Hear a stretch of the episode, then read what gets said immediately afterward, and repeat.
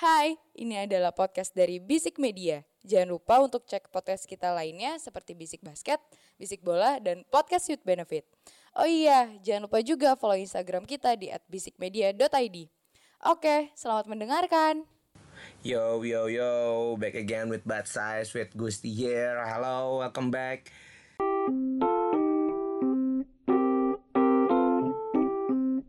Bisik bola listeners ya kan? Pasti lo benci sih kalau yang ngisi Bedsas itu Mas Gusti. Karena Karena apa? Kita totally nggak akan ngebahas yang namanya match. Fuck off. Karena Mas Gusti ini kan Fabrizio Romano Jawa ya kan? Tapi khusus khusus banget untuk Bedsas kali ini Gue baru aja dapet uh, squad terbaik Eropa nih versi dari goal.com jadi kita bakal gibahin main-main ini satu persatu ya kan? Dan gue juga uh, tidak membaca sebelumnya jadi ini akan eh anjing ringtone gue pakai talolet talolet sorry ya guys dan ini no edit. Jadi kita akan live reaction ya. Uh, apakah goal.com ini masih menjadi media yang valid? Oke okay, let's start. Kita start dari kiper ya kan? Nah di kipernya ada Jan Sommer dari Inter Milan. Ngomongin Jan Sommer ini kan emang ditransfer sama Inter Milan ini untuk gantiin Andre Onana yang dibeli ke uh, eh, MU ya klub setan merah ya kan yang ada di Inggris demi ikut papa katanya kan. Dan uh, I can say sebenarnya Jan Sommer ini seperti halnya panic buying Inter Milan untuk bisa nutup secepatnya. Tapi ngomongin Jan Sommer ini bukan pemain baru sih. Uh, singkat gue ini masih jadi kiper utamanya Swiss juga. Dan juga di klub lamanya gue lupa antara Frankfurt atau di di Liga Jerman pokoknya. Tapi agak-agak top Jerman lah dan Jan Sommer juga sebenarnya ini walaupun uh, panic buying tapi at least dia memang bisa uh, bisa bisa menutup lubang yang ditinggalkan Onana di Inter Milan ya kan. Dan Fornats ini for free dan umurnya udah nggak muda 35 tahun. Jadi kayaknya ngelepas ngelepas Onana dengan menggantikan Jan Sommer ini bukan suatu hal yang uh, keliru untuk Inter Milan dan ini bukan hal yang tepat. Dan juga dia udah mencatatkan 15 clean sheet di semua kompetisi ini. Ini cukup cukup cukup impresif sih untuk seorang uh, Jan Sommer yang setahu gue juga karirnya di Jerman terus sekarang ke Inter Milan. Inter juga bukan klub kaleng-kaleng ya kan.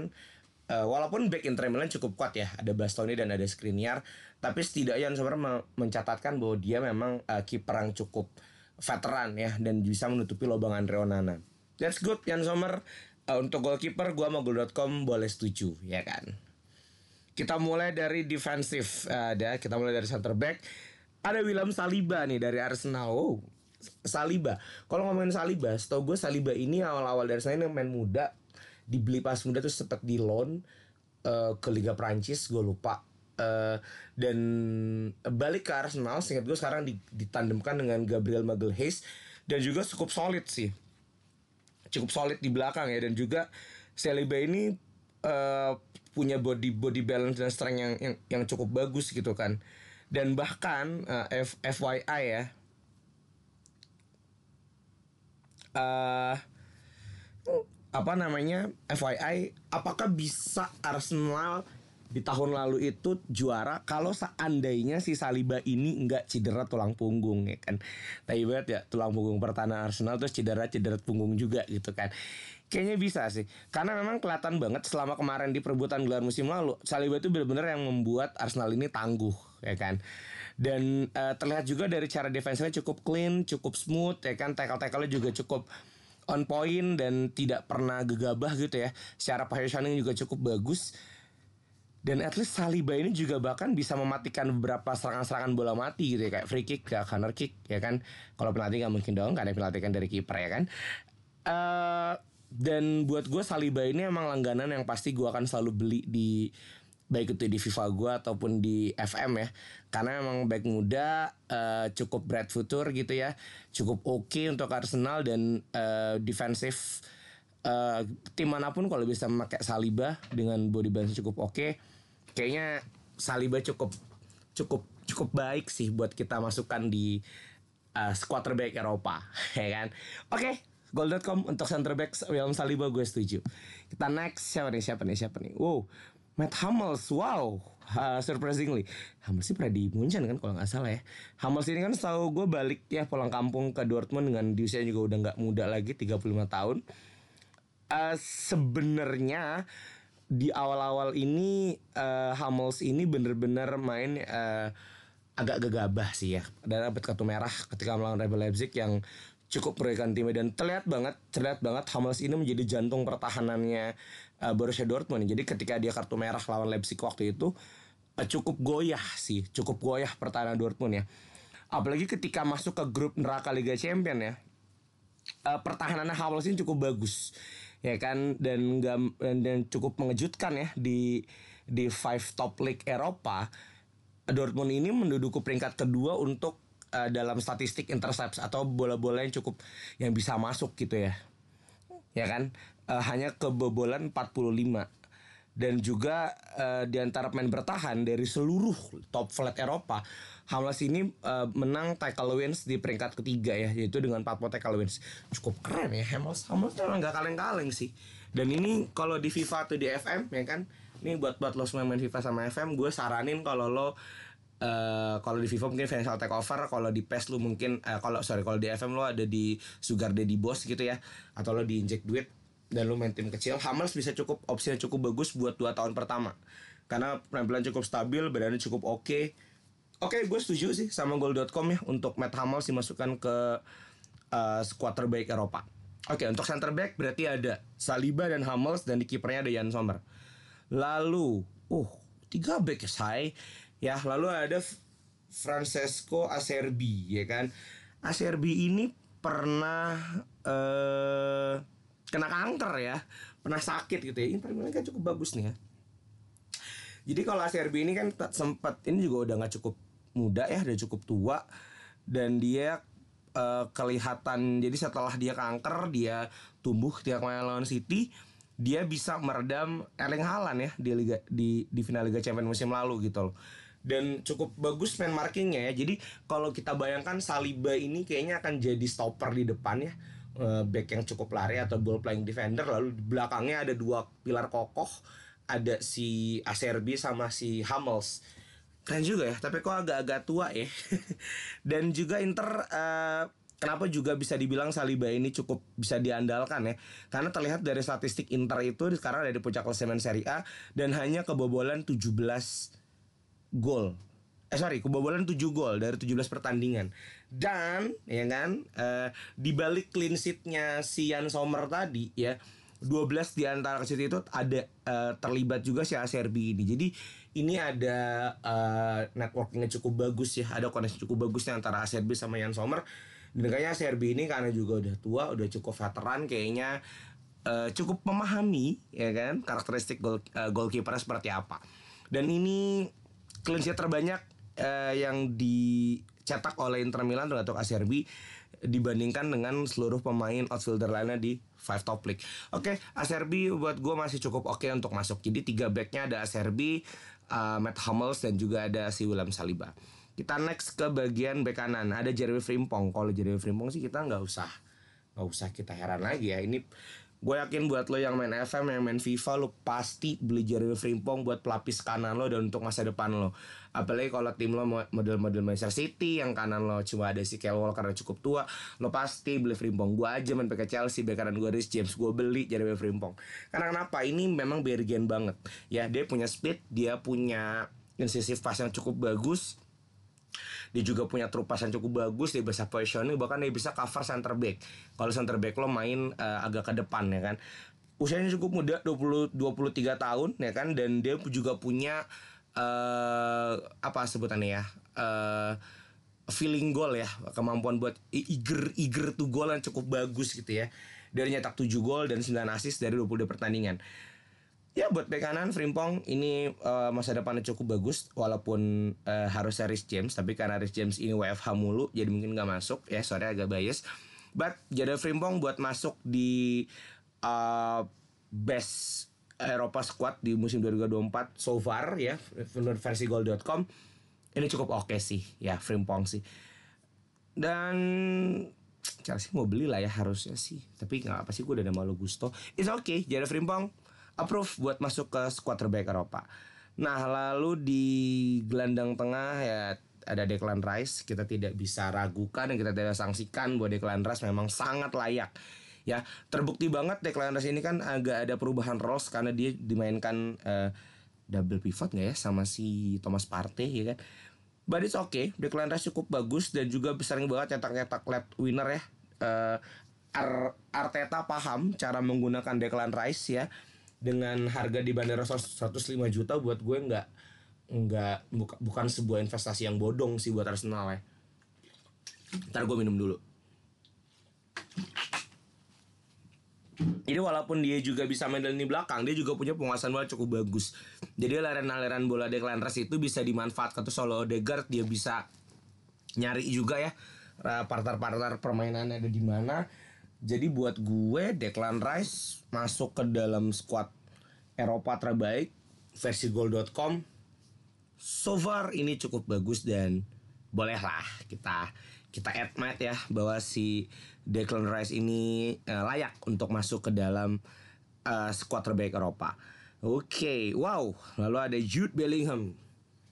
Ada yang mau komen Jude Bellingham? Ada yang mau komen? Ada yang mau komen? Ya lu gila sih kalau lu nggak setuju sama gol goal.com mengenai Jude Bellingham yang masuk ke dalam squad terbaik Eropa. You're so crazy kalau lo nggak setuju uh, Jude Bellingham ini ya. Kenapa? Ini pemain awalnya itu debut di uh, Portsmouth as CDM masuk ke dalam Dortmund mulai dimainin CM di Madrid ini jadi penyerang kayaknya ya.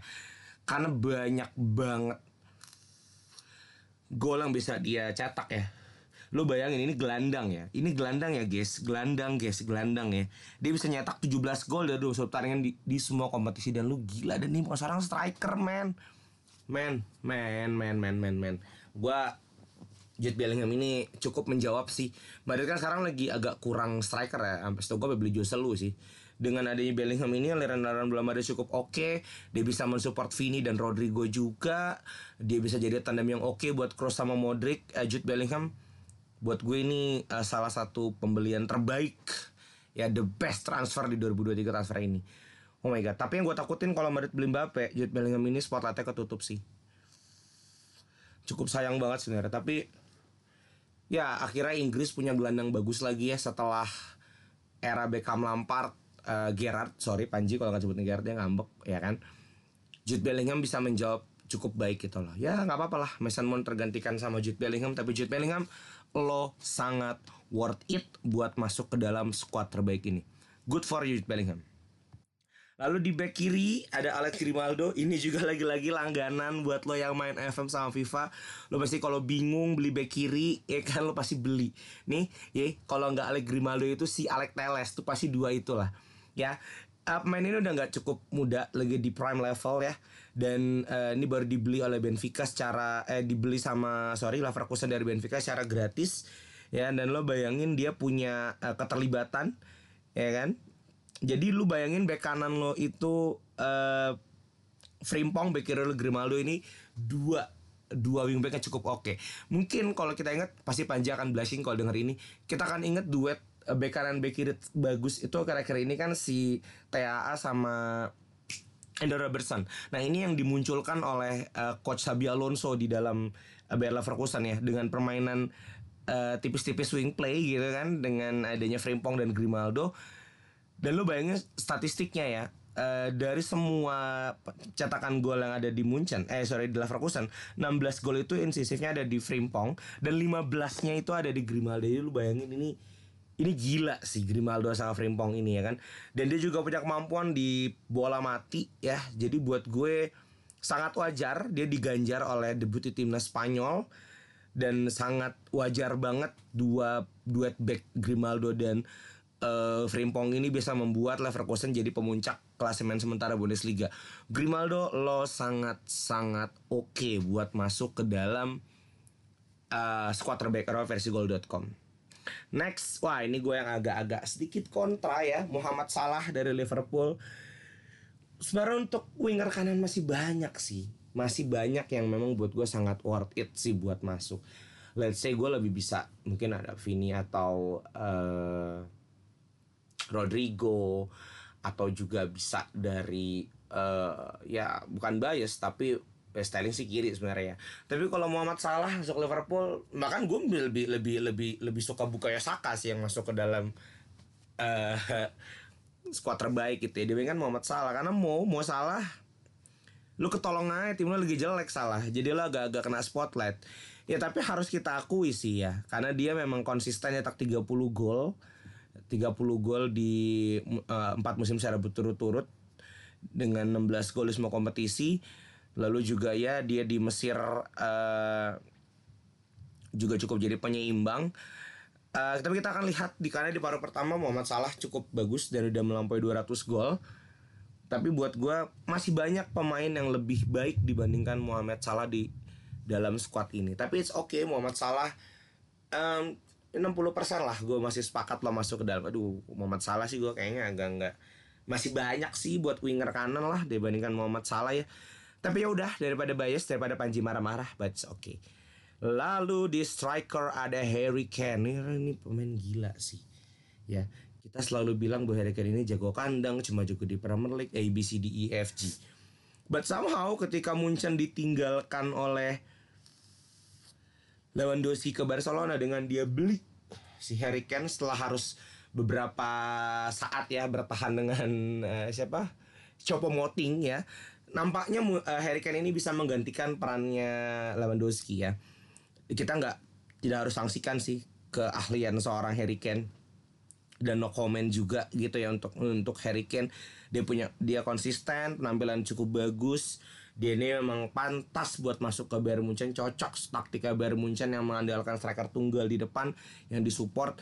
Dan eh, walaupun Harry Kane mungkin awal-awalnya agak uh, butuh proses buat adaptasi but somehow dia bisa nyetak rekor baru juga di Jerman ya dengan mencetak 20 gol dari 14 pertandingan ini cukup bagus banget dan sangat worth it Harry Kane masuk ke dalam squad terbaik Eropa versi gol uh, di musim Liga 24 sejauh ini. Terakhir ada Florian Wirtz, ini juga racing star ya untuk MNFM di era 2013, 14, 15, 16. Lo udah tahu pasti Wirtz ini pemain yang waktu itu masih 19 tahun dan uh, somehow Florian Wirtz ini sebenarnya adalah CM ya. Sekarang kan agak dipaksa main di winger kiri gitu ya oleh coach Xabi Alonso. Dan juga cukup produktif ya walaupun dia gelandang tapi dia cukup produktif. Uh, kita pasang dia di kiri eh, cukup oke. Okay, dan mungkin ini ya, ya mesinnya Leverkusen juga Florian ya. Seperti halnya si Kevin De Bruyne di City.